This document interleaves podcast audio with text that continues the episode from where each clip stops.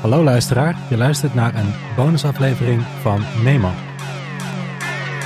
We nemen deze bonusaflevering op omdat het de meeste mensen ook niet zal ontgaan zijn dat op donderdag 20 januari uh, de boosaflevering over The Voice of Holland het een en ander heeft teweeggebracht in het maatschappelijk debat, om het even eufemistisch te omschrijven. Ja, en wij gaan het er in deze bonusaflevering kort over hebben. En wat ik meteen wel wil zeggen is dat wij zullen het hebben over de kant van de dader, niet over de kant van de slachtoffer. Um, ja, want ja, ik denk dat als man zijnde wij enkel iets kunnen zeggen over die positie. Um, maar laten we beginnen met een kleine recap. Rocher, wil jij beginnen? Oh ja, trouwens, we zijn met mij en met Rocher. Jules die had een deadline, die kon er helaas niet bij zijn. Um, ik denk dat hij zich excuseert, dus bij deze excuses namens Jules. yes, yes, yes. Maar dan nu even een kleine recap. Uh, op, dus wat ik zei, donderdag uh, 20 januari heeft het uh, programma Boos van Tim Hofman een anderhalf uur durende aflevering online gezet over de Voice of Holland. in het voorjaar van 2021 werd Boos namelijk benaderd door twee vrouwen. Eén deed mee aan The Voice, de ander niet. Maar beide hebben te maken gehad met zwaar seksueel overschrijdend gedrag door een coach van The Voice. Ja, en Boos kreeg ook tips over Marco Borsato. Uh, en naar aanleiding van deze tips plaatste Boos een oproep. En naast de twee coaches kwamen er ook meldingen binnen over Jeroen Rietbergen, de ondertussen ex-partner van Linda de Mol. In totaal melden zich 19 mensen met verhalen en klachten over Jeroen Rietbergen met verhalen van 2010 tot 2020. Allemaal jong en vrouw. En een deel van deze berichten is ook ingezien door Boos. Gedurende de aflevering wordt ook duidelijk dat er meerdere vrouwen ernstig seksueel overschrijdend gedrag uh, hebben ervaren door Ali B. Of nou ja, dat eigenlijk Ali B seksueel overschrijdend gedrag heeft vertoond. Uh, en eentje heeft zelfs aangifte gedaan van verkrachting. Daarnaast wordt ook duidelijk dat Marco Bassato aan jongere, jonge kinderen heeft gezeten.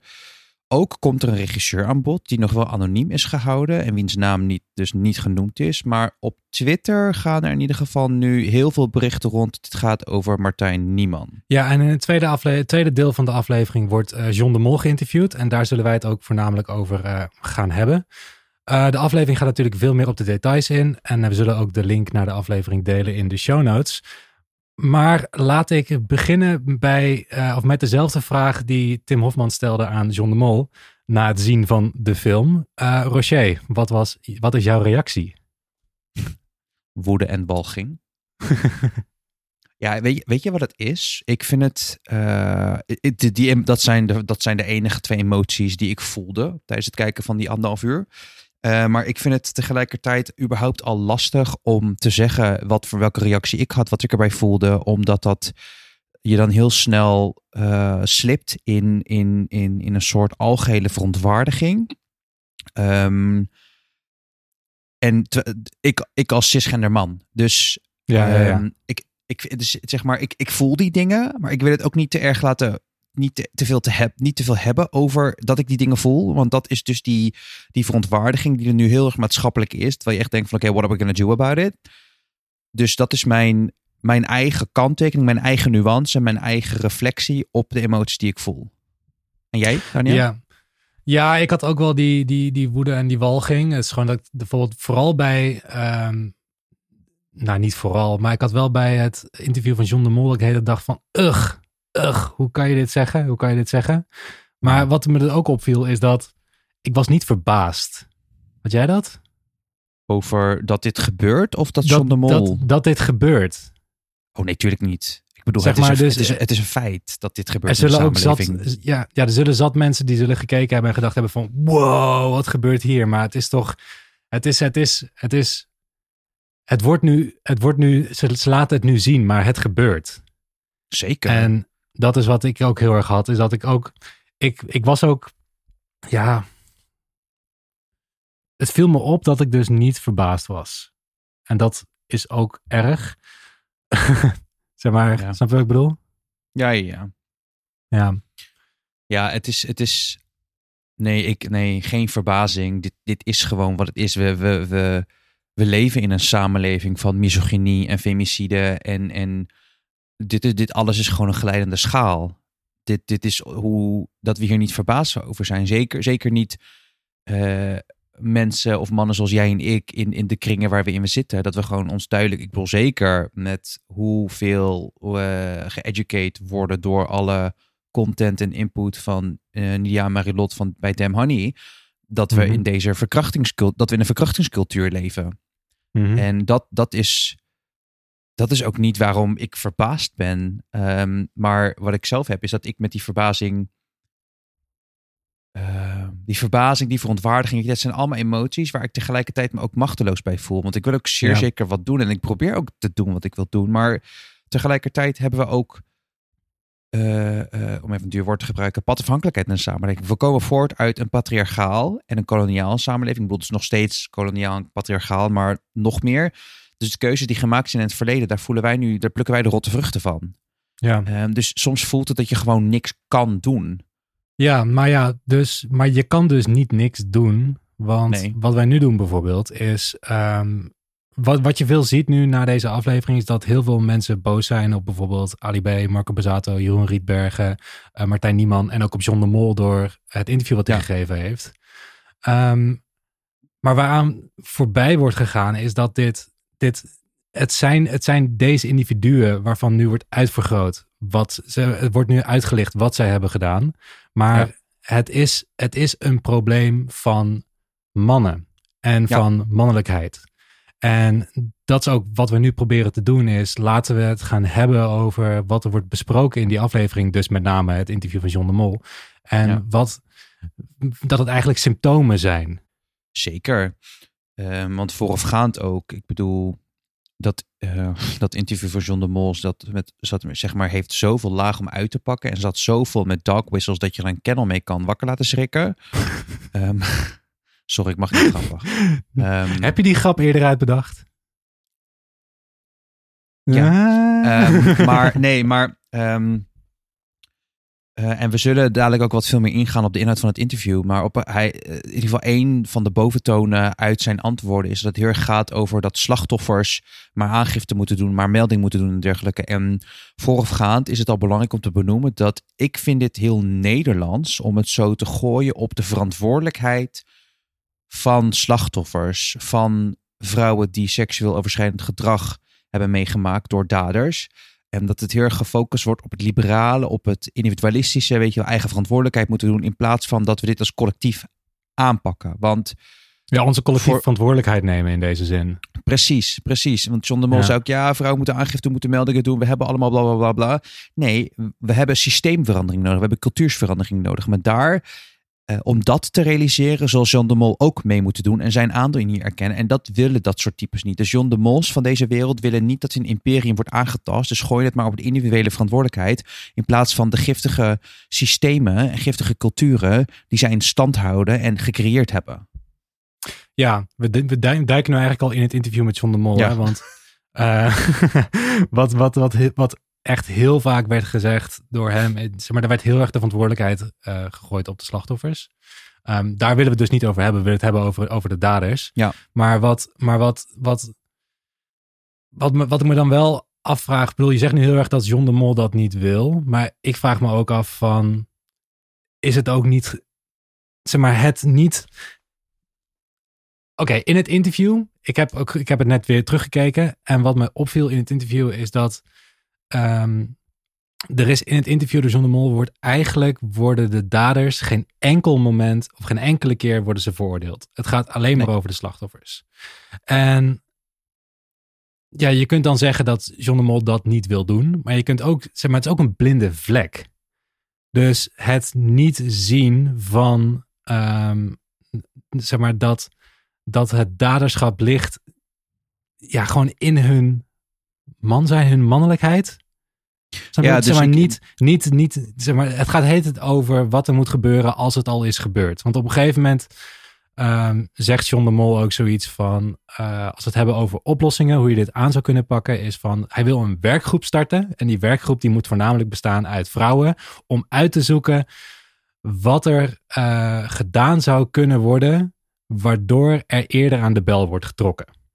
Ja. Dat is eigenlijk wat hij zegt, hè? Ja.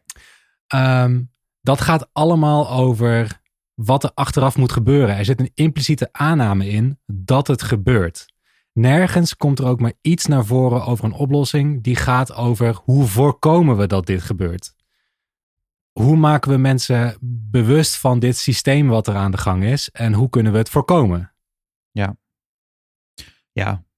En wat jij ook, je zei een paar minuten eerder, dat hij daar ook een blinde vlek voor heeft. Want ik, in feite uh, is hij natuurlijk ook een product van het patriarchaat, het patriarchaat. Ja, hij is ook. Tuurlijk. En, ja. en, en, en um, als we het dan lekker op eigen verantwoordelijkheid toch gaan gooien, dan heeft John de Mol ook de, eigen, de verantwoordelijkheid voor de producten die hij weer creëert. Zeg maar, hij. Uh, als samenleving zijn we producten van het patriarchaat, maar we reproduceren ook het patriarchaat. Net zoals met kolonialisme, eigenlijk al die dingen. We blijven reproduceren totdat we stilstaan en gaan ontleren.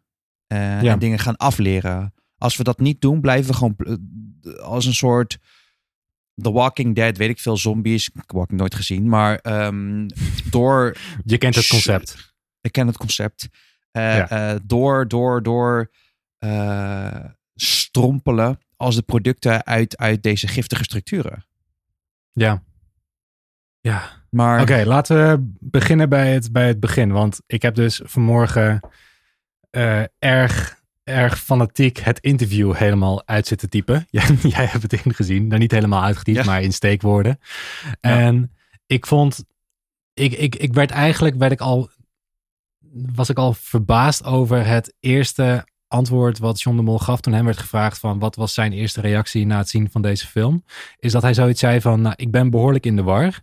En hij was voornamelijk in de war omdat er bij Talpa een bedrijfscultuur is Um, waar dit niet zou gebeuren. Want ze hebben ook allemaal loketten ingericht die er zijn uh, om aan de bel te trekken mocht dit gaan gebeuren. Dus zijn, zijn eerste initiële reactie is meteen van, zeg maar, op zichzelf gericht. Snap je wat ik bedoel?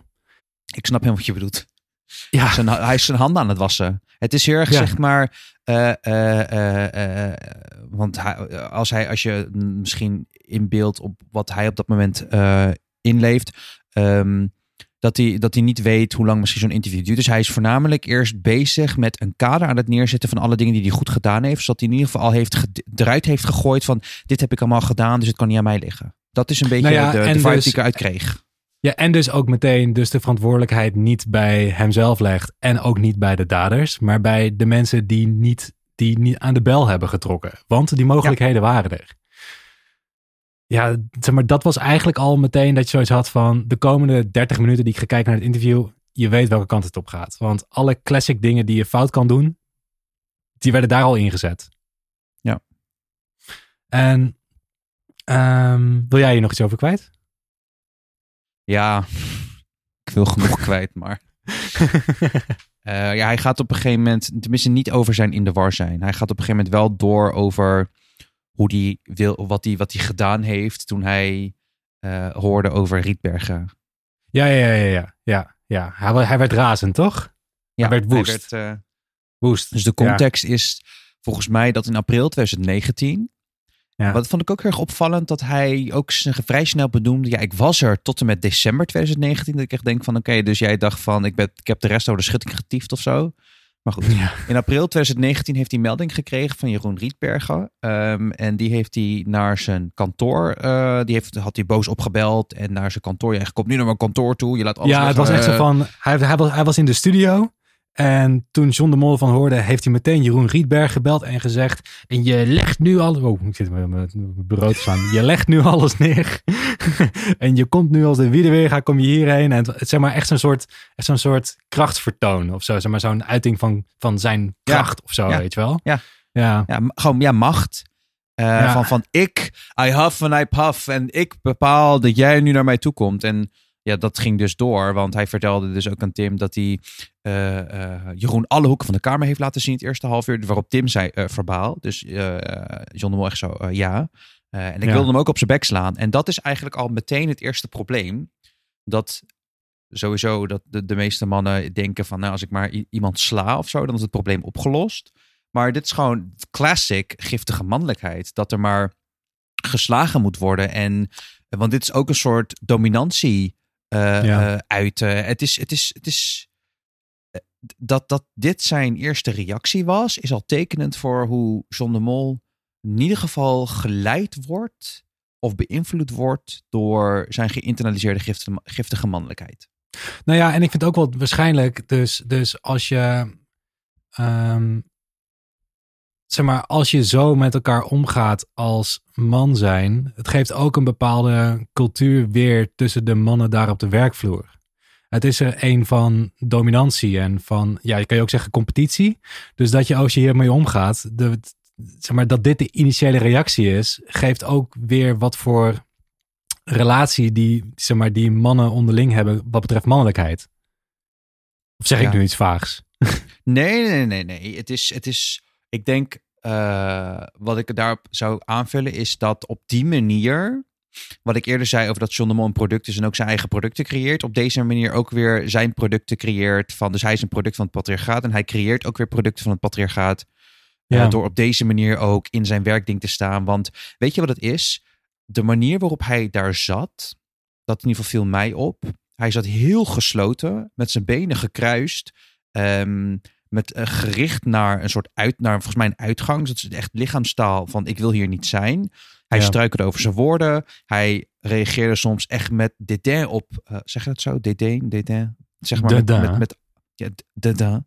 Uh, arrogantie op, op, op Tim dat hij daar gewoon niet wilde zijn. Dus je merkt ja. gewoon dat aan die manieren dat dat ook leidend is en dat hij op die manier waarschijnlijk ook omgaat. Dat soort, dat soort subtiele dingen zijn zo tekenend voor hoe mensen hun, hun keuzes maken of hun omgeving ook beïnvloeden. Ja, ja en dan laat dan meteen doorgaan op hoe die omgegaan is met, met Jeroen Rietbergen. Want dat ja. vind ik ook wel een, um, een, een, een, een, goed bruggetje naar het volgende waar we het over willen hebben.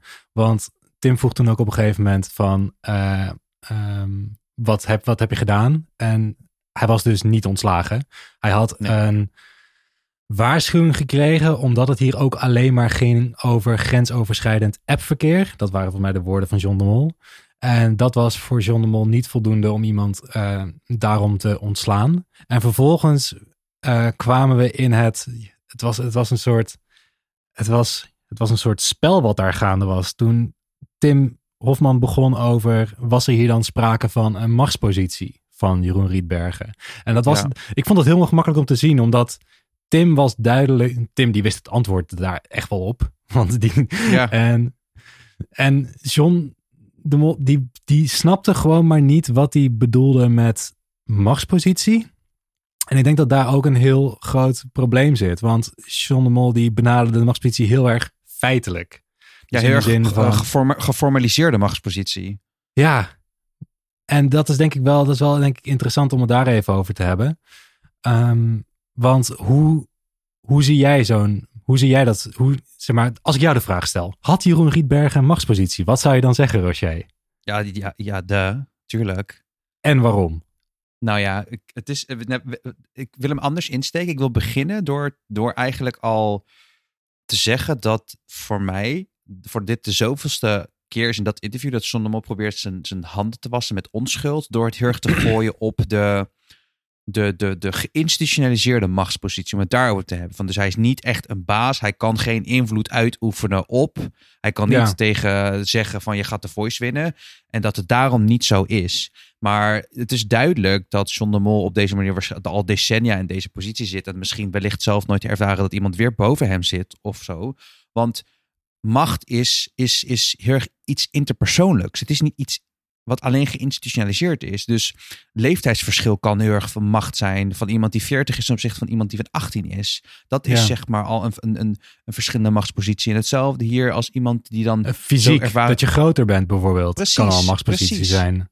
Precies. Uh, uh, uh, verbaal, verbaal beter ontwikkeld bijvoorbeeld. Weet je, een een, zeg maar, wat betreft vaardigheden. Als iemand dan veel verder vooruit is dan iemand die dat niet is. Dat, dat kan al tot, tot bepaalde machtsinteracties leiden. Dus als je het mij vraagt, ja, Jeroen had, sowieso een machtspositie. Namelijk omdat hij daar gewoon helemaal binnen was. En um, je ook niet weet wat hij zegt of wat hij impliceert. Ja. Ja, en van die. ja, over die machtspositie dus. Ehm, en wat ik, wat ik daar dus wel interessant vind, wat je dus duidelijk bij John de Mol niet zag, is dat de, de, de machtspositie, zoals ik mezelf ben, bewust ben van mijn machtspositie als man zijnde, zeg maar, is door mij, ik probeer me in te leven in wat mijn aanwezigheid teweeg kan brengen bij een andere persoon. Dus hoe zou mijn, ik hoef geen daadwerkelijke machtspositie te hebben, maar enkel het feit dat ik er ben om wie ik ben, kan ik al ervoor zorgen dat ik een bepaald soort dreiging kan hebben naar een andere persoon. Dat is volgens mij hoe je het moet benaderen. En ehm, ik had het ook vanmorgen met iemand anders daarover. En die zei ook van, ja, volgens mij als je het gewoon op die manier erover nadenkt, op die manier kijkt naar je eigen positie, dat, dat, dat maakt het eigenlijk, dat maakt het dat maakt het niet eens zo heel moeilijk om het te begrijpen dan.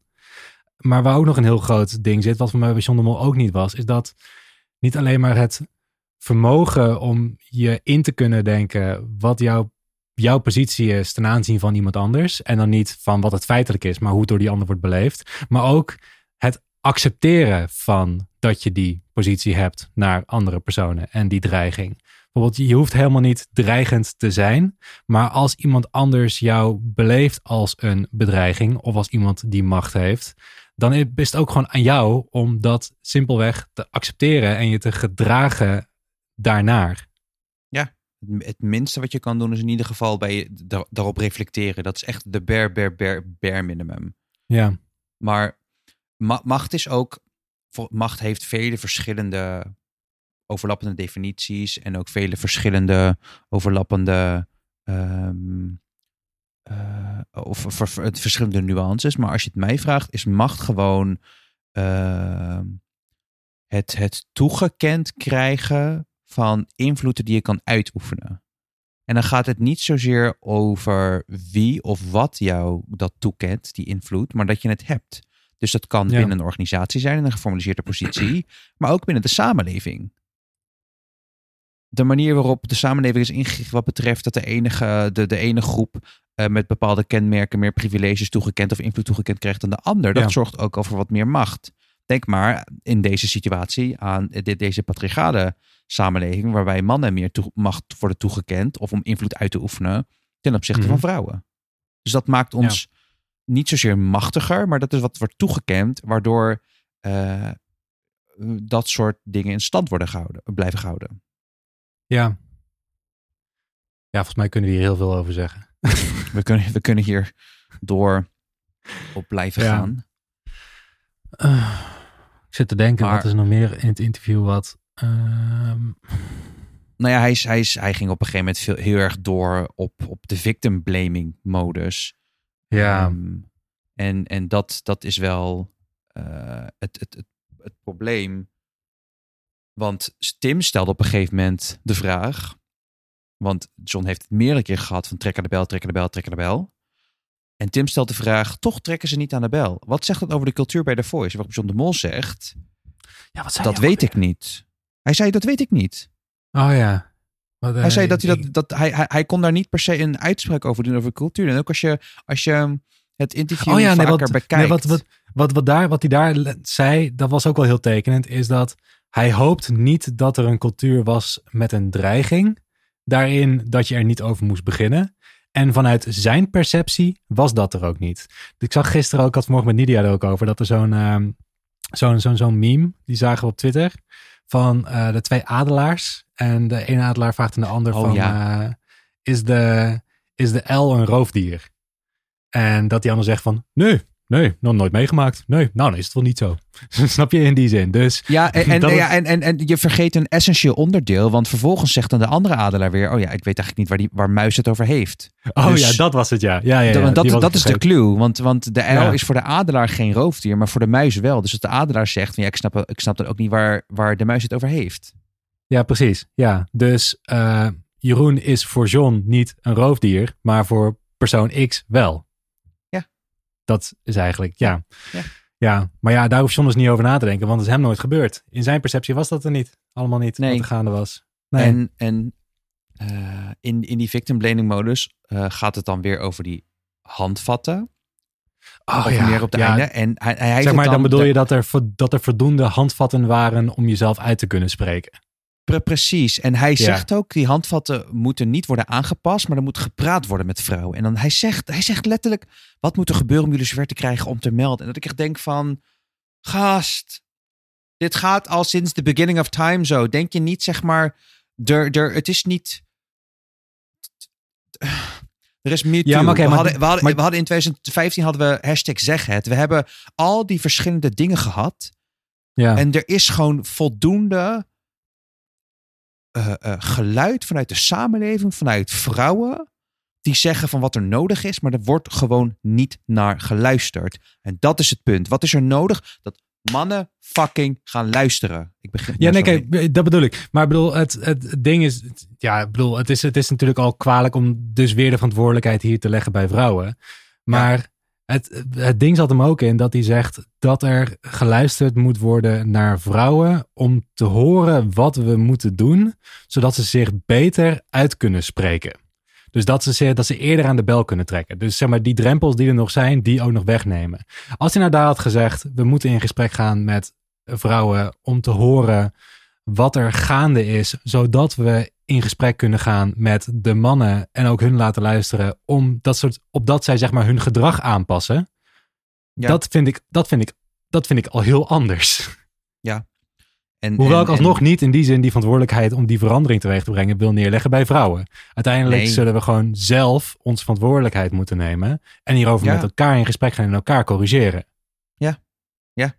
Nee, want, want wat ook, wat ik in aanvulling daarop, wat ik heel tekenend vond, ook voor hoe hij dan de wereld ziet. Hij heeft, oh, hij heeft zoveel cues gegeven eigenlijk. Ehm, ja, ik, ik Hebben we een tijdslimiet voor deze aflevering?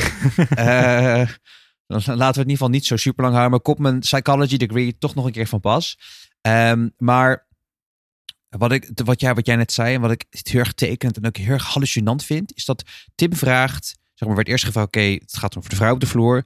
Wat zou je zeggen tegen, de, tegen mannen op de werkvloer? En de mol stamelt eerst en is een beetje meer over zijn woorden aan het eh, struikelen. En hij snapt het Nou, niet zo goed. Hij wist gewoon echt niet wat hij moest zeggen. Hij vond gewoon een hele rare vraag. Ja, want hij, hij had zeg maar. Want hij, en hij, toen hij weer uit zijn woorden kwam, zei hij. eh, die lastig gevallen worden. Dus hij legde niet de link dat Tim bedoelde met dat het gaat over daders. Dus hij wilde gewoon niet eigenlijk expliciteren dat de link in deze context. En heel veel contexten, bijna alle contexten in de samenleving. Ja. van, van, van, van seksueel verschillend gedrag. Mannen en daders. Het, moest, het was een soort. eh, eerst struikelen, vervolgens die lastig gevallen worden. Nee, het was het daders zijn. Dus het, het komt gewoon niet aan in zijn thick. Is hij een boomer? Hij, hij, volgens mij zei gewoon een boomer. Thick boomer skull. Ja. ja, terwijl hij wel aangaf aan het einde gesprek van dat hij heel graag over hierover wil gaan leren. Dat had hij dan wel Ja. weer gezegd. Ja. Ja, want eh, de, de T is doorgegaan. Want ik heb nog eventjes eh, a little bit research gedaan voordat we Ah. hier begonnen. En, Flink eh, redactiewerk heb je uitgevoerd. Ja, ik doe wel wat. I'm not, I'm not just a average looking Pretty face. face. Eh, want hij heeft volgens mij, ik zag daar een artikel vanochtend, eh, dat hij een brief heeft gestuurd aan medewerkers van Talp om te laten weten dat zijn deur altijd open staat voor als zij willen praten over dat ding is. En dat is ehm, Wilfred Gené, God knows who that Mhm. is. Ehm, Ja. eh, dat die brief woensdag is verstuurd naar aanleiding van het nieuws. Dus dat is nog voor de aflevering. Maar zijn deur staat altijd open. Maar hoe kunnen mensen die brief op woensdag nog serieus nemen? Op donderdag zijn uitspraken en zo. Dat, dat, dat, er is toch helemaal geen veiligheid om, die, om, dit, om zeg maar daar even metaforisch te praten, zeg maar bij zijn deur binnen te lopen. Met, met Nee, al dat- die. Ja. Ja, daar ook over, eh, over die veiligheid gesproken. Want ik denk dat hij in dat gesprek wel probeert aan te geven dat er een bepaalde veiligheid is. Dat hij ervoor open staat. Maar aan het einde van het interview wil ik het ook nog even kort hebben over The Voice Kids. Dat, dat stuk. En dat hij op een gegeven moment, eh, dat, er wordt er iets gevraagd over Marco Borsato. En dat hij dan ook zegt van, Ehm, als ik heel eerlijk ben, heb ik nog steeds moeite met te geloven dat Marco dit bij minderjarigen zou doen. En alleen dat je dat al zegt. Zeg maar, je kunt niet dat zeggen en daarna zeggen dat er een veilige omgeving is om naar voren te komen met wat je allemaal, zeg maar, wat je over, zeg maar, wat je aangedaan is, wat je overkomen Ja. is. Dat, dat, Zo werkt het niet. Nee, De- nee. Dus, dus het, je geeft daar juist heel erg het idee van, ja, je kunt bij mij terecht, maar je moet wel met feiten komen. Het moet wel, zeg maar, bewezen zijn, want anders geloven we je eigenlijk niet. Ja, ja, ja, ja. En, en, en dat sentiment heerst ook eigenlijk binnen het maatschappelijk debat en de samenleving. Want ja, we moeten wachten op het OM, rechtelijke uitspraak, geen trial by media, geen cancel culture. Overigens, speaking over cancel culture, ik mag nu hopen dat het wel echt waar is. Want we moeten, wat het is, hoe de samenleving de aankomende dagen, weken en maanden omgaat met al deze smeerlappen, zal heel tekenend zijn over hoe ingebed en giftig en verankerd dit probleem zit in de samenleving. En ik ben ook heel benieuwd, want als Ali B over een maand of zo weer eh, lekker overal, of Marco Bassato, dan is er geen cancel culture. Laten we dat in ieder geval voorop stellen. Maar Ja, iedereen heeft het over de rechtspraak, wat natuurlijk heel erg belangrijk is. Hè? Zeg maar, we hebben de trias politica, bla bla bla. Ehm, maar ik ben van mening dat we nog steeds die padafhankelijkheid hebben. Dus ook het rechterlijke systeem is gebouwd en voortkomend uit patriarchaat, kolonialisme, et cetera. En Mhm. iedereen neemt zijn biases mee. Sommige, Heel veel biases zijn ook onbewust. Ja. Eh, er, er, zijn, er zijn ook genoeg korte psychologische testjes die die impliciete associaties kenbaar maken. En het is niet om hiermee het rechterlijke systeem eh, in twijfel te brengen, maar wel om wat te laten weten van in, in, in het kader van, dus misschien wat filosofisch, maar in het kader van eh, de, de, de sociale, in, sociaal in de breedste zin of interpersoonlijk, bestaat objectiviteit niet. We hebt, je hebt zeg maar individuele subjectiviteit en collectieve subjectiviteit. En de heersende collectieve subjectiviteit stempelen wij, bestempelen wij als objectiviteit. ja. Maar echte objectiviteit bestaat niet.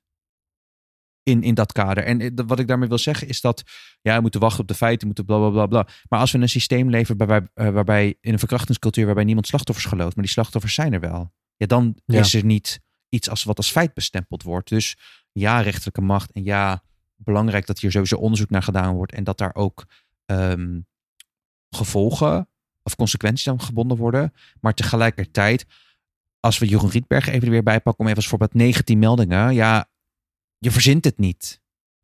Nee, nee. nee en ook, ja, in die zin is het ook heel typisch dat, dat, dat ehm, mocht het Oh, niet ja. rechterlijk bewezen kunnen worden vanuit het OM, dan zijn deze mensen dus ook ehm, objectief, tussen aanhalingstekens, gezien onschuldig. Ja, ze zijn niet, eh, dan, dan, dan moet het, daarna zou het klaar moeten zijn, want ze zijn dan niet veroordeeld. Ja, Ehm, en we weten dat het allemaal niet, op, zo, niet zo werkt. Zo werkt het niet voor alle groepen. Maar wat ik ook nog, wat ik zelf echt suspicious vind, echt maar hella suspicious, is Marco Bassato was natuurlijk al in opspraak gekomen. Maar dat, dat ging over meerderjarige eh dingen. En hij is natuurlijk al, heeft hij al wat dingen gedaan. Maar hij heeft vervolgens, voordat alles naar buiten kwam over dat hij kinderen heeft aangeraakt, had hij zijn ambassadorship van War Child opgezegd. ja, Well, that's suspicious. Ik bedoel, natuurlijk zeg je dan bepaalde dingen op. Tenminste, eh, eh, dan ga je in ieder geval bepaalde keuzes maken. Maar ik vind het net allemaal net iets te toevallig dat hij preventief zich zijn ambassadorship bij War Child opzegt. En dat nu, snap je ik bedoel? Zeg maar, dat was een van de Ja, eerste ja, ja. Misschien, misschien ben ik ook maar weer op de weg aan het zien. Of, eh, maar dat ik echt dacht van, mm, this, this smells fishy. Rocher die is Ik op bedoel, onderzoek de- uit. Call me Nancy Drew. Maar nee, maar meer dat, dat, ja. Ik weet ook verder niet wat ik er verder over moet zeggen. ja, Eigenlijk is het ook gewoon één, het is, het is één grote om, eh, oh, waar ik het nog wel even over wil hebben, wat ik in één keer maar bedenk, ehm, is, ehm, voordat dit alles gebeurde, voordat deze uitzending er was, hebben een aantal BN'ers ook, eh they jumped ship. Zoals een Anouk, die is gestopt als, Ja, ja, als de coach. ja. Ehm, al die verklaringen van Linda de Mol. Ik bedoel, ja, ik, ik, vriendin, ik vind het heel verdrietig voor je. Maar tegelijkertijd dat zeg maar, ja, als alles, eh, als alles weer eh, de, de, de, de dust settled, ga ik ehm, mijn verhaal doen op het enige mediaplatform dat ik nog vertrouw. Dat van mezelf. Dat ik echt denk van, nobody asked for this. Om voor die shady opmerking van je. Maar goed, sorry, ik begin sessie te worden. Ehm, maar BN'ers die, bijvoorbeeld Anouk, die jumped ship, weet je wel. Iedereen is nu, ehm, eh, vindt er alles van. Maar tegelijkertijd wordt al heel duidelijk dat dit al gaande is. Dat dit een cultuur is, zeg maar. Dat was Ja. voornamelijk in de eerste 45 minuten. Dus people knew. People knew. Dus al deze Ja, dat is een aanname, maar je, gaat, zeg maar je gaat mij niet wijsmaken dat dit tien jaar heeft kunnen gebeuren en dat mensen er niet van af wisten. Het voelt heel erg een beetje, het voelt heel erg als een, het is een aanname, maar het, het is een ivoren toren. Ja, En, nee, precies. En, en het, het punt wat ik wilde maken is voornamelijk... laten we niet BN'ers gaan verheerlijken omdat ze dan nu gestopt zijn of zo. Nee, het is meer een soort van... eh, eh, you're not sorry that it happened, but you're sorry that you're, you got caught. Maar dan meer in Ja. de, eh, in, als derde partij. Ja. Ja. Oké. Even denken. Ehm, Ja, ik denk dat het misschien wel goed is om, om in ieder geval als wij tweeën, als, als de twee mannekes die we zijn, om even te reflecteren voor wat nu verder. Want het is natuurlijk ook wel ergens typisch dat wij als twee mannen het hier even over gaan hebben. Ehm, maar dat we ons misschien ook moeten richten op de luisteraars, zeker de mannelijke, man, mannelijke, jezus wat een woord, mannelijke luisteraars. Ehm, en meegeven wat we, hoe nu verder? Hoe kunnen we, how are we gonna walk the walk? Ja, nou het eerste wat ik wil zeggen is van. ehm, als je het met mensen gaat hebben, als je met, met mannen gaat hebben over deze aflevering van Boos, probeer het dan breder te trekken. Dus heb het niet alleen maar over ehm, wat, wat, wat John heeft gezegd, wat Marco, Ali, Martijn en Jeroen hebben gedaan. Maar probeer het te plaatsen in een breder maatschappelijk probleem. En dat het niet het maatschappelijk probleem wat John de Mol benoemt over dat eh, vrouwen niet erover praten. Maar het maatschappelijk probleem wat is toxische mannelijkheid. Ja. Ehm, ja, dat zou ik eigenlijk als eerste soort actiepunt willen meegeven. Is wat je hiermee zou kunnen doen. Eh, mijn, mijn tweede punt is. Ik moet zeggen dat we deze, helemaal, de- deze actiepunten die zijn helemaal aan het freestylen. dus, Ja, ja, ja. ja, ja. Eh, mijn tweede punt is luisteren. Want. En dan op de manier dat je daadwerkelijk luistert als iemand hun verhaal doet of dienstverhaal doet. En dan niet dat je gaat zeggen ja maar of dat je er tegen ingaat. Luister gewoon naar wat iemand te zeggen heeft. Zorg ervoor ja, dat het. veiligheid. Precies, accepteer het. Ehm, want er wordt te veel gejaamaard. Zeker in, in, het, in het. Iedereen vindt allemaal wat van. We zijn heel gewend om te reageren op elkaar. Eh, Ja. En ik heb het idee dat de social media era daar, eh, social media era daar echt daadwerkelijk. eh, dat dat verergert. Dat we alleen maar reageren in plaats van tot ons te nemen wat de woorden zijn, wat de boodschap is van de andere persoon die dat met ons deelt. En echt dat tot je te laten nemen. Nu, terwijl ik dat zeg, realiseer ik me ook wel dat wellicht de gemiddelde man misschien niet zo ook is, ook als product van giftige mannelijkheid, niet zo ver in touch is met emoties, dat dat op die manier kan. Ja. Of daar het bewustzijn voor en de bandbreedte voor heeft.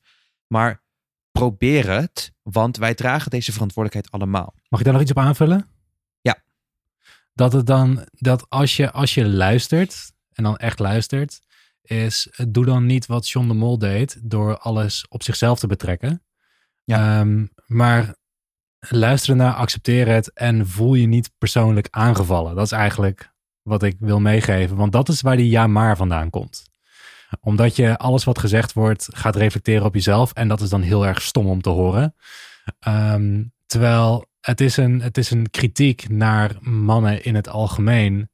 En uiteindelijk ben je ook opgegroeid binnen dat systeem. Dus op wat voor manier heb je zelf ook die invloeden mee gehad? En je zult ook gedrag vertonen wat daarmee in lijn is, al dan niet bewust.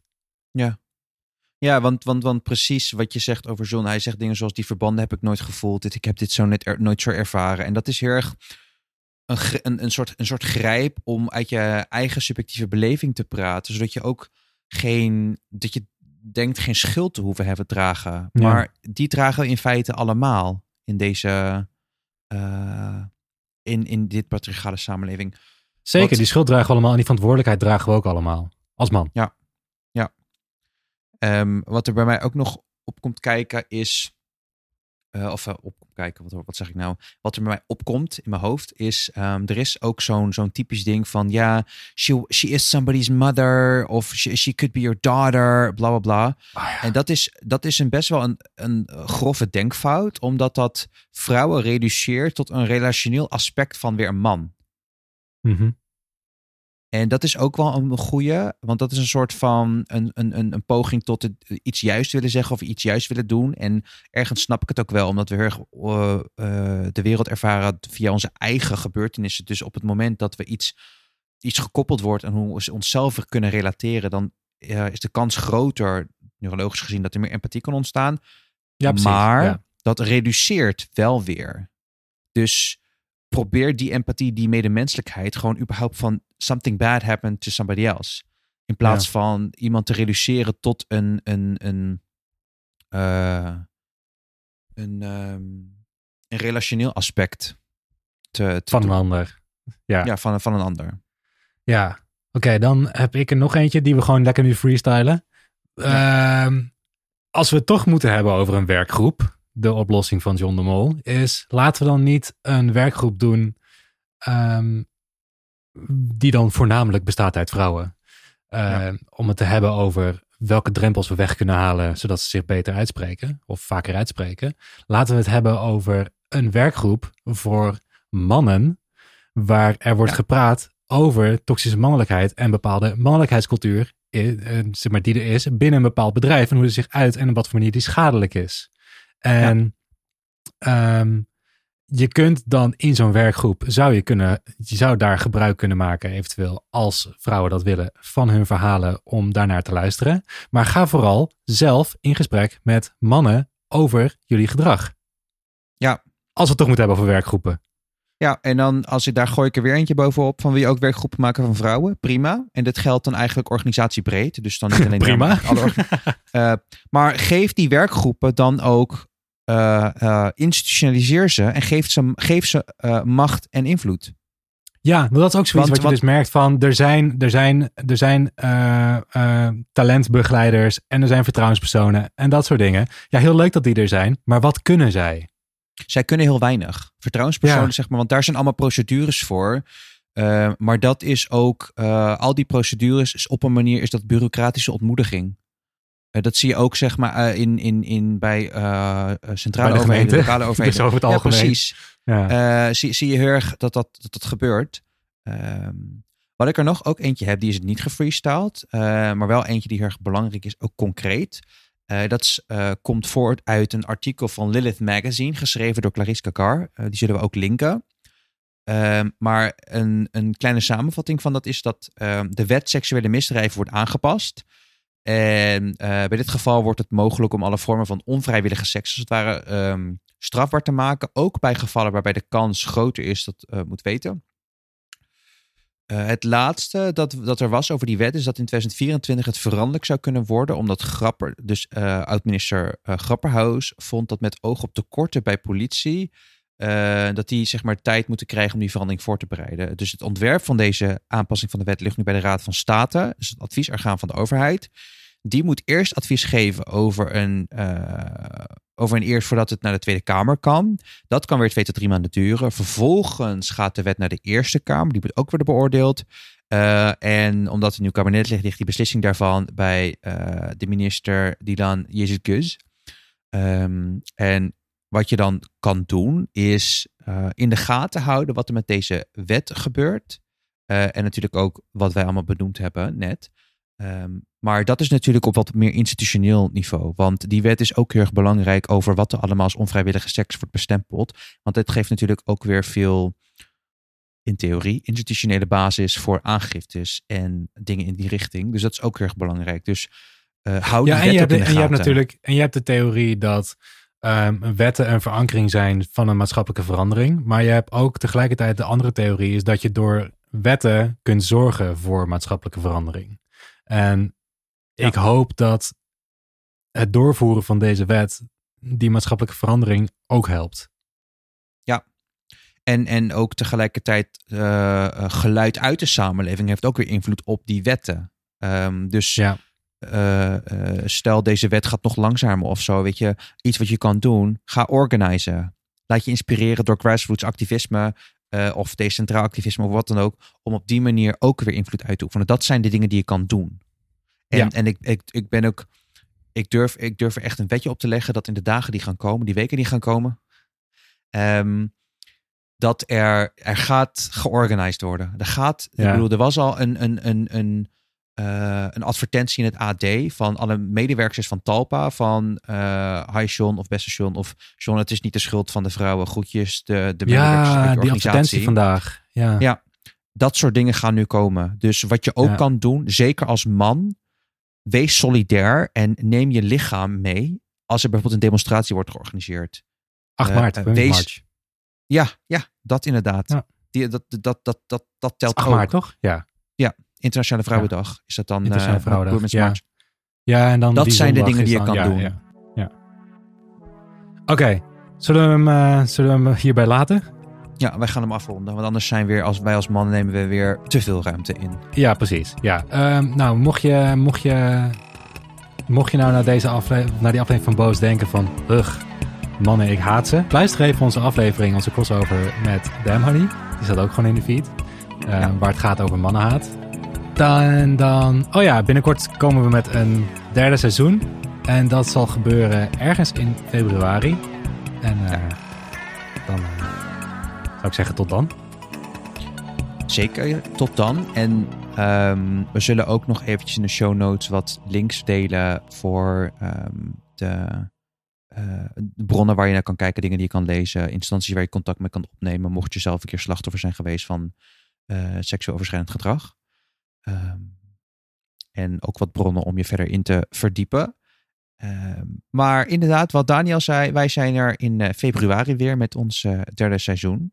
En eh, voor nu dan tada, toedels. Tada! Tada.